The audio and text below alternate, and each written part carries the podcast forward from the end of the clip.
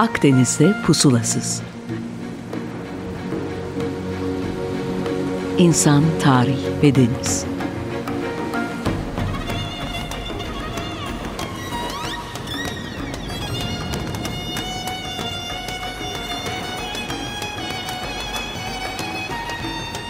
Hazırlayan ve sunan Sidar Duman. 95.0 Açık Radyo'dan herkese merhaba. Ben Sidar Duman. Akdeniz'de pusulasızda 1 Ağustos'ta karşınızdayım. Yeni bir program yapamadık çünkü geçen haftaki yarım kaldı. Mitoloji ve kadın. Oradan devam edelim.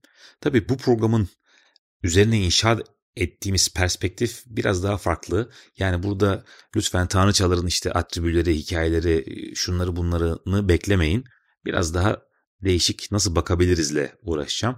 Çünkü bronz çağının sonlarına doğru bir erkek egemen topluma geçişi görüyoruz. Mitoloji ve dinlerde kadına işte verilen önem ve bu detaylara biraz bakalım istiyorum. Ama ondan evvel daha genel bir çerçeve çizmek adına şunu söyleyeyim. İdeoloji dediğimiz işte mumyalanmış bir fikirler bütünü en nihayetinde. Benim düşünceme, inancıma taş değmesin. Aman kimse beni yargılamasın. Tüm kapı pencereyi kapatayım diye başlıyor. Ama tabii fikri eleştiriye kapatırsak da gerçekle sınanmasına, soru sorulmasına müsaade etmezsek de sonunda olacağı kaçınılmaz olarak bunun çürümesidir. Haddimi de aşıp bir arkadaşımın harika bir yaklaşımını sizle paylaşayım. Ee, şöyle demişti, kutsalı olanın vicdanı olmaz. Lütfen siz de düşünün, kutsallar yaratmak sağlıklı düşünme önünde bir engel mi acaba? İşte iş bu sebeple e, birazdan söyleyeceğim fikirler her türlü pürtülmeye açıktır. Hatta istenir de böyle bir şey. Ee, Karl Popper'a rahmet okutmadan ona referansla yanlışlanabilirlik ilkemizden vazgeçmemek adına. Ee, Anadolu'da ana tanrıça e, kültlerine geçen programda biraz değindik. İşte Kibele'den bahsettik mesela ya da Hekate'den.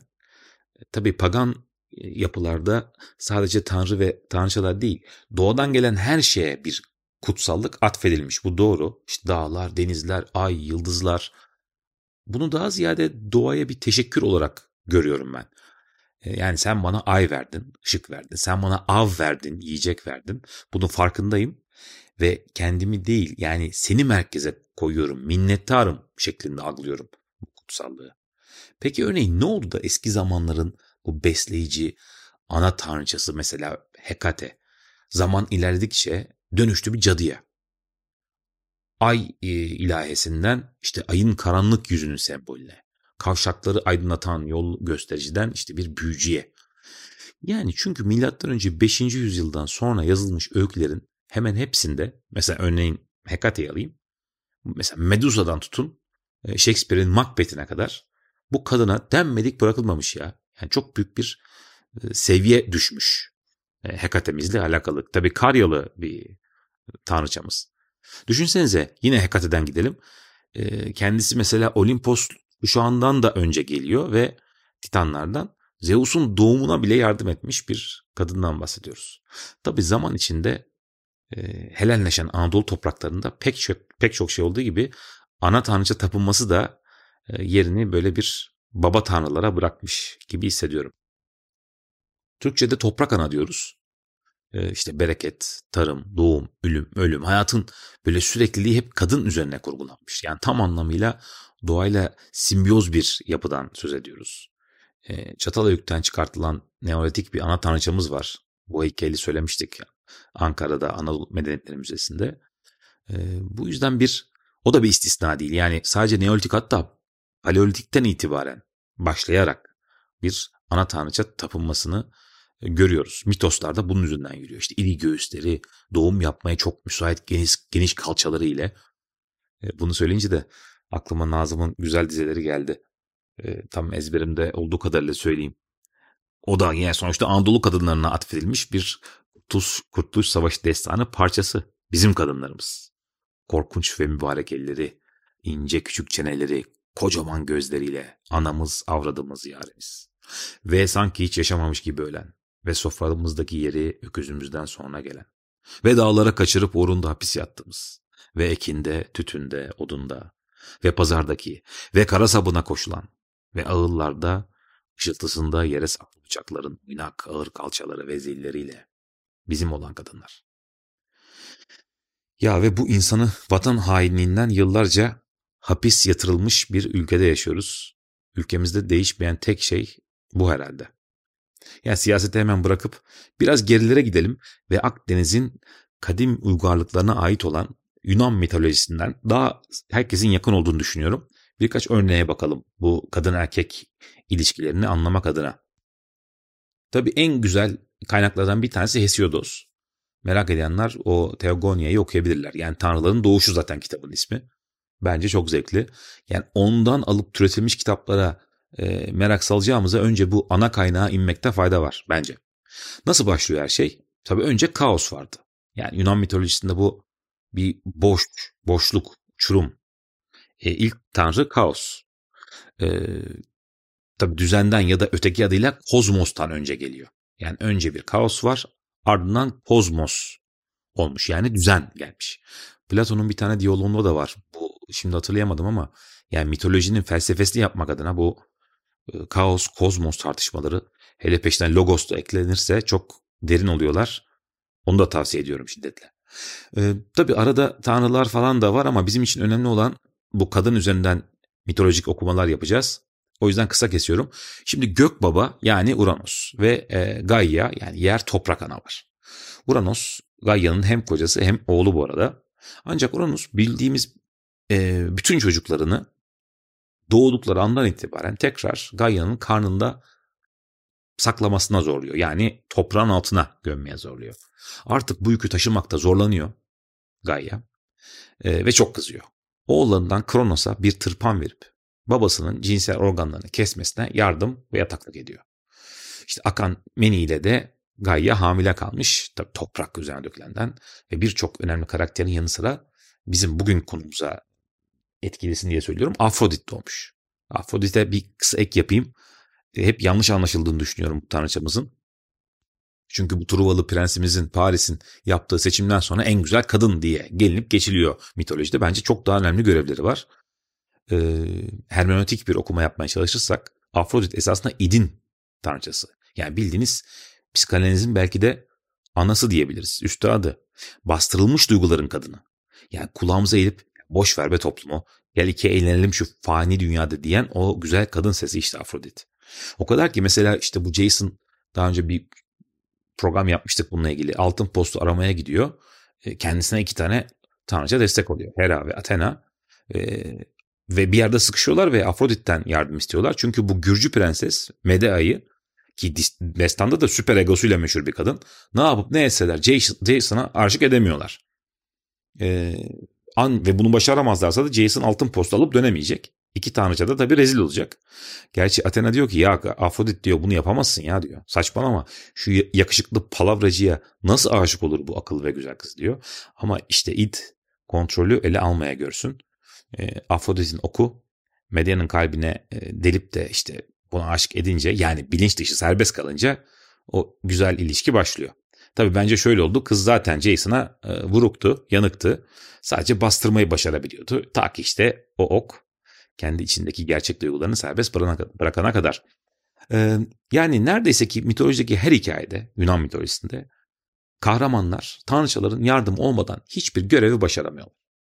Bu Girit adasında labirentten çıkmaya çalışan Teseus'tan tutun da e, işte Medusa'yı öldüren Perseus'a kadar daha niceleri. Yani erkek egemen bir e, din anlayışı bu mitoslar fakat kadının varlığı yatsanamaz şekilde hala devam ediyor. Neyse Afrodit için araya girmiştik. Bir Kronos'tan devam edelim.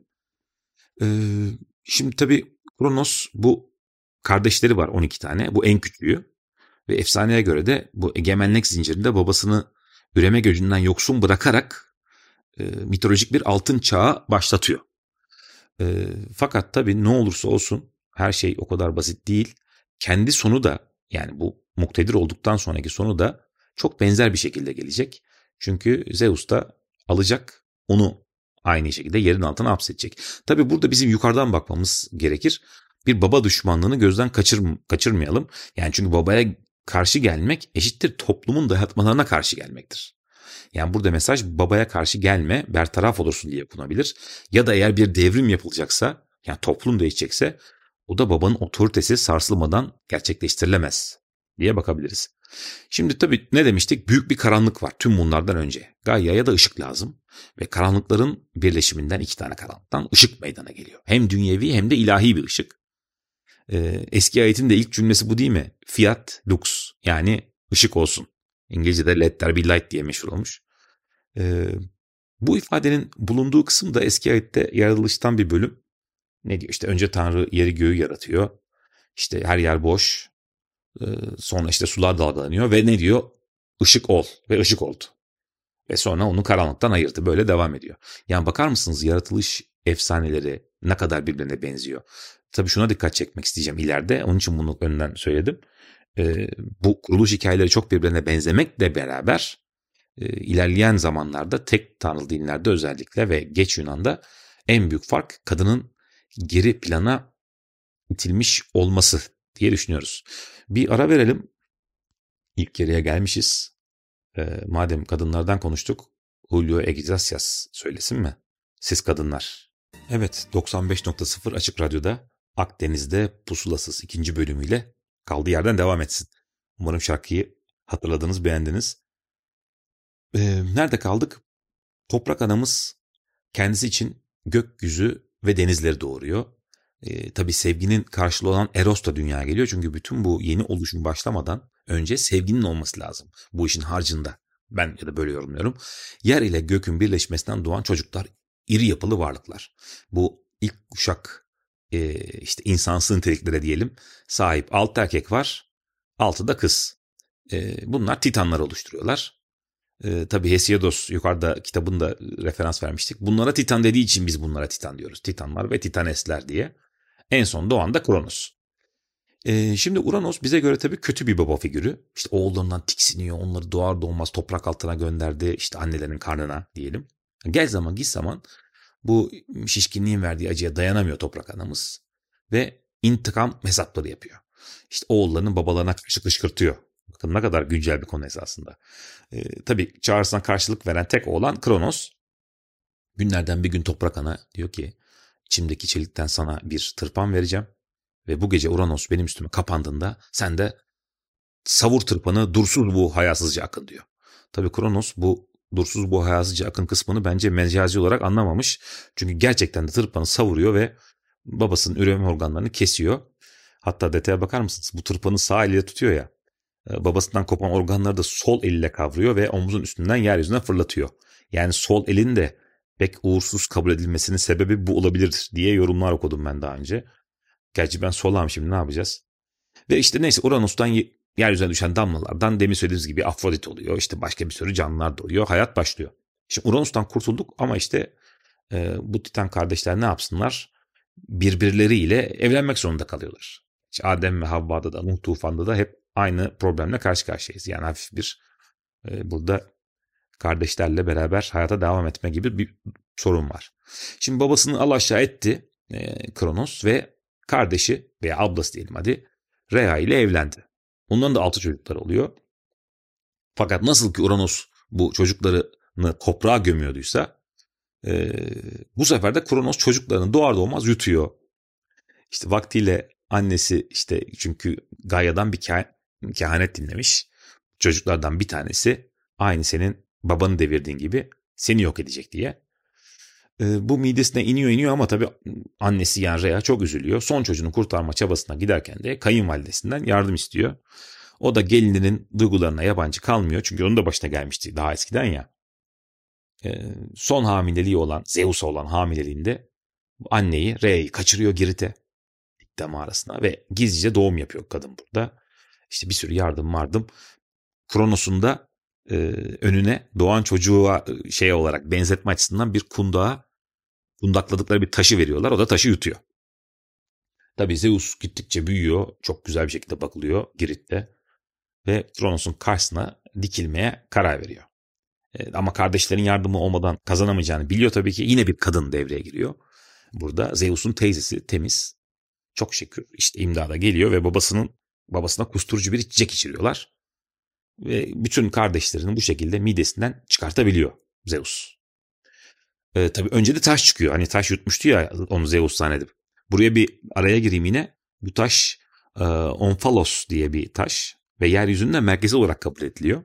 Yunanca'da göbek anlamına geliyor bu ve e, Zeus dünyanın göbeğinde buluşması için iki tane kartal salıyor aynı anda. Biri sağa biri sola doğru uçuyorlar. Tam buluşacakları yer neresiyse de orası dünyanın merkezidir diyor. Bakar mısınız tabii dünyanın yuvarlak olduğu biliniyor bu arada. Tabii kartallar yüksek uçarlar ve e, en son indikleri yerde Delphi mabedi. Antik dünyada kehanet merkezi oluyor. E, kardeşlerini de kurtardıktan sonra Zeus artık hazır. Ve Titanlarla Olimposların o meşhur 10 yıl süren savaşı başlıyor. Ha tabii dünyanın yuvarlak olduğuna dair bir kanıt daha aklıma geldi bu Titan Olimpos savaşından. E, bütün Titanları yenip yer altına gönderiyoruz diyoruz ama bir tanesini hariç Atlas. Ona bir görev veriyor. Sen diyor bütün dünyayı gök kubbeyi tut bakalım sırtında taşı da gör günlü diyor. E yani yuvarlak olduğuna bir tanıt şey kanıt daha. Şimdi Yunan mitolojisinde kadının yeri e, buralara kadar gayet güzel fark ettiyseniz. Böyle birkaç detay hikaye var esasında. Medusa'nın hikayesi var. Çok ilginç. Başka bir zamana bırakalım. Uzun. Ama e, insanların e, yaratılışına kadar iyi geliyor diyelim hadi. E, sonra tek tanrı dinlerde tabii Havva'yı Adem'in kaburgasından yaratılmasından bile daha berbat hikayeler var. E, sona bırakayım, devam edeyim. Şimdi Sümerler'de e, yaratılışta nasıl başlıyor? Yine kilden ve çamurdan. Sadece harç olarak tanrıların gözyaşları kullanılmış. E, ve insanın yaratılış sebebi de tanrıların iş yükünü hafifletmek, onlara rahat ettirmek. Yani bir nevi hizmetkarlık. E, Babil'e geçelim. Yine aynı yöntemle kilden oluşan bir insanlıktan bahsedebiliriz. Sadece burada e, sıvı olarak gözyaşı değil, tanrıların kanı kullanılmış. Şimdi ilahi dinlerde, tabii önce eski ahitte işte Adem ya da Adam ya da Adam bu Aden'deki bahçeye yerleştiriliyor. Bu bahçe de böyle cennet uzakta falan bir yerde değil. Fırat'la Dicle arasında bir yerde bahsediyoruz. Mezopotamya'da. E, kadının yaratılması işte yasağa tabi tutulmaları, yasağın çiğnenmesi ve arkasından verilen cezalar çok ayrıntılı olarak var burada. E, tabii yine çamurdan yapıldık. Hiçbir fark yok. Sadece kadın derhal ikinci sıraya düştü. Peki niçin? Yani bahçedeki şimdi tüm meyveleri yemek konusunda insana izin var. Sadece iyilik ve kötülüğü bilme ağacından. Bak ağaç da çok ilginç. Yani bu bir e, buna belki başka bir program yapılabilir başlı başına. Sadece bu ağaçtan yemek yasak. Yani burada onu bir metafor olarak düşünmeliyiz bence. Bilgeliğe karşı bilgeliği almamalısın. Bilgiyi kovalamamalısın. Yoksa bak her şeyin burada. Yersen ölürsün gibi böyle bir yasak var. Ee, kadın yaratıldıktan sonra e, bu yasağı çiğnemekle sorumlu tutulmuş. Yani kaburgadan yaratılma kısmı e, kendi okumalarıma göre tamamen tabii Sümer mitolojisinden gelme. Hatta dil bilim olarak da aynılar. E, eski ayitte niçin yaratıldık diye soracak olursak Tanrı'nın Aden'de hazırladığı bahçeye bakmak ve onu korumak için yine bir hizmetkarlık var. Şimdi antik Yunan'da tabii denge biraz daha kötü gitmiş. Nasıl bozulmuş, nasıl kırılmış? Belki işte bu çöküş dönemlerine doğru olabilir diye düşünüyorum. Çünkü kadına çok büyük önem verilirken bakın şimdi antik Yunan mitolojisinde kadının yaratılışı. Prometheus'un e, Olimpos dağından çalarak indirip insanlara verdiği ateşle tabii insanlık çok gelişiyor ve şımarıyorlar. Zeus da o zamana kadar yalnız başına yaşayan bu erkek grubuna ve çok mutlu yaşayan erkek grubuna bir ceza vermek istiyor. Tüm herkese ibret olacak büyük bir ceza vermek istiyor. Ve bu cezayı tahmin edebilir misiniz hep birlikte? Evet onlara kadını göndereceğim diyor. Yani en büyük ceza olarak düşünüyor. E, Hephaistos işte metal işlerinin bab- şeyi babası tabii. Onda yap diyor güzel bir kadın yap işte çamurla suyu yoğuruyor. Yine çamur ve su da aynı e, mutabıkız. Ancak tabii çok güzel bir kadın vücudu yapabilmiş, yapmış. Neden? Çünkü tanrıçaların en güzeli olan ve aynı zamanda karısı olan Afrodit'in e, vücudunu model olarak kullanmış. Tabii heykel bitince onun kalbine de ruh yerine bir kıvılcım konuyor ve heykelin gözleri açılıyor. Bütün tanrılar ve tanrıçalar da e, bu yeni doğan kadına bir hediye verdikleri için de adına da işte bu armağan, büyük armağan gibi anlamına gelecek belki Pandora konuyor. İşte Athena kemer veriyor, süslü elbise veriyor, o bunu veriyor, şu şunu veriyor. Hermes de e, bu Pandora'nın kalbine hıyanet ve aldat, aldatıcı sözleri yerleştiriyor. E, Zeus da çoğumuzun bildiği ona bir kutu emanet ediyor ve diyor ki sakın bu kutuyu açma. İyi sakla ki insanların saadeti ve işte felaketi senin bu kutuyu açıp açmamana bağlı. Hadi buyur. Şimdi böyledikten sonra kadını yeryüzüne indiriyor e, ve Prometheus'un kardeşi de Epimetheus ona gelin olarak veriliyor kadın. Tabi Prometheus çok akıllı bir adam. Zaten önü görebilen, ileriyi görebilen anlamında olduğu için kardeşine diyor ki sakın Zeus'tan gelecek bak hiçbir hediye açma aman ha falan diyor ama Epimetheus tabi kadını görünce dayanamıyor. İşte Yunanlardan hediye almayın diye atasözü var biliyorsunuz Yunanca'da. E, bu Truva Savaşı'na referansla. Neyse geçelim. Tabi Pandora da meraklı bir kadın. Çünkü öyle bir şekilde doğmuş ve kutuyu açıyor. İçinde ne olacağını düşünüyor düşünüyor. Sonra Zeus'un uyarısına e, tamamen unutarak kutuyu açıyor. İçinden ne varsa çıkıyor gidiyor. Biraz umut, biraz hastalık, biraz şu, biraz bu. Ama yani böylece Zeus ilk kadını yani beraberinde kötülüklerle dolu bir kutuyla e, yeryüzüne göndererek e, erkeklerden diyelim intikamını almış oluyor. Yani buna göre kadın e, ölümlü erkeklerin arasına gönderilmiş bir nifak olarak tanımlanıyor. İşte bu kısmı tabii e, mitolojinin geldiği belki de o tek tanrılılık öncesi son hali diyelim. Bundan sonra da kadın günahkar, kadın cadı, kadın şu, kadın bu. Yani kadın üzerinden okumalar devam ediyor. Tabii günümüzde artık bunun böyle olmadığını biliyoruz, düşünüyoruz. Ancak böyle bir serüvenden geçmiş bu erkek egemen toplumun ürettiği ne diyelim hikayeler maalesef. Ama biz özellikle Anadolu'daki kadınlarımıza tabii Nazım Hikmet'ten okuduğumuz dizeler gibi bakıyoruz. Umarım da tüm toplum onlara o şekilde bakmayı öğrenir. Evet efendim bir programın daha sonuna geldik. 15 gün sonra tekrar burada Açık Radyo'da buluşmak dileğiyle. Hoşçakalın.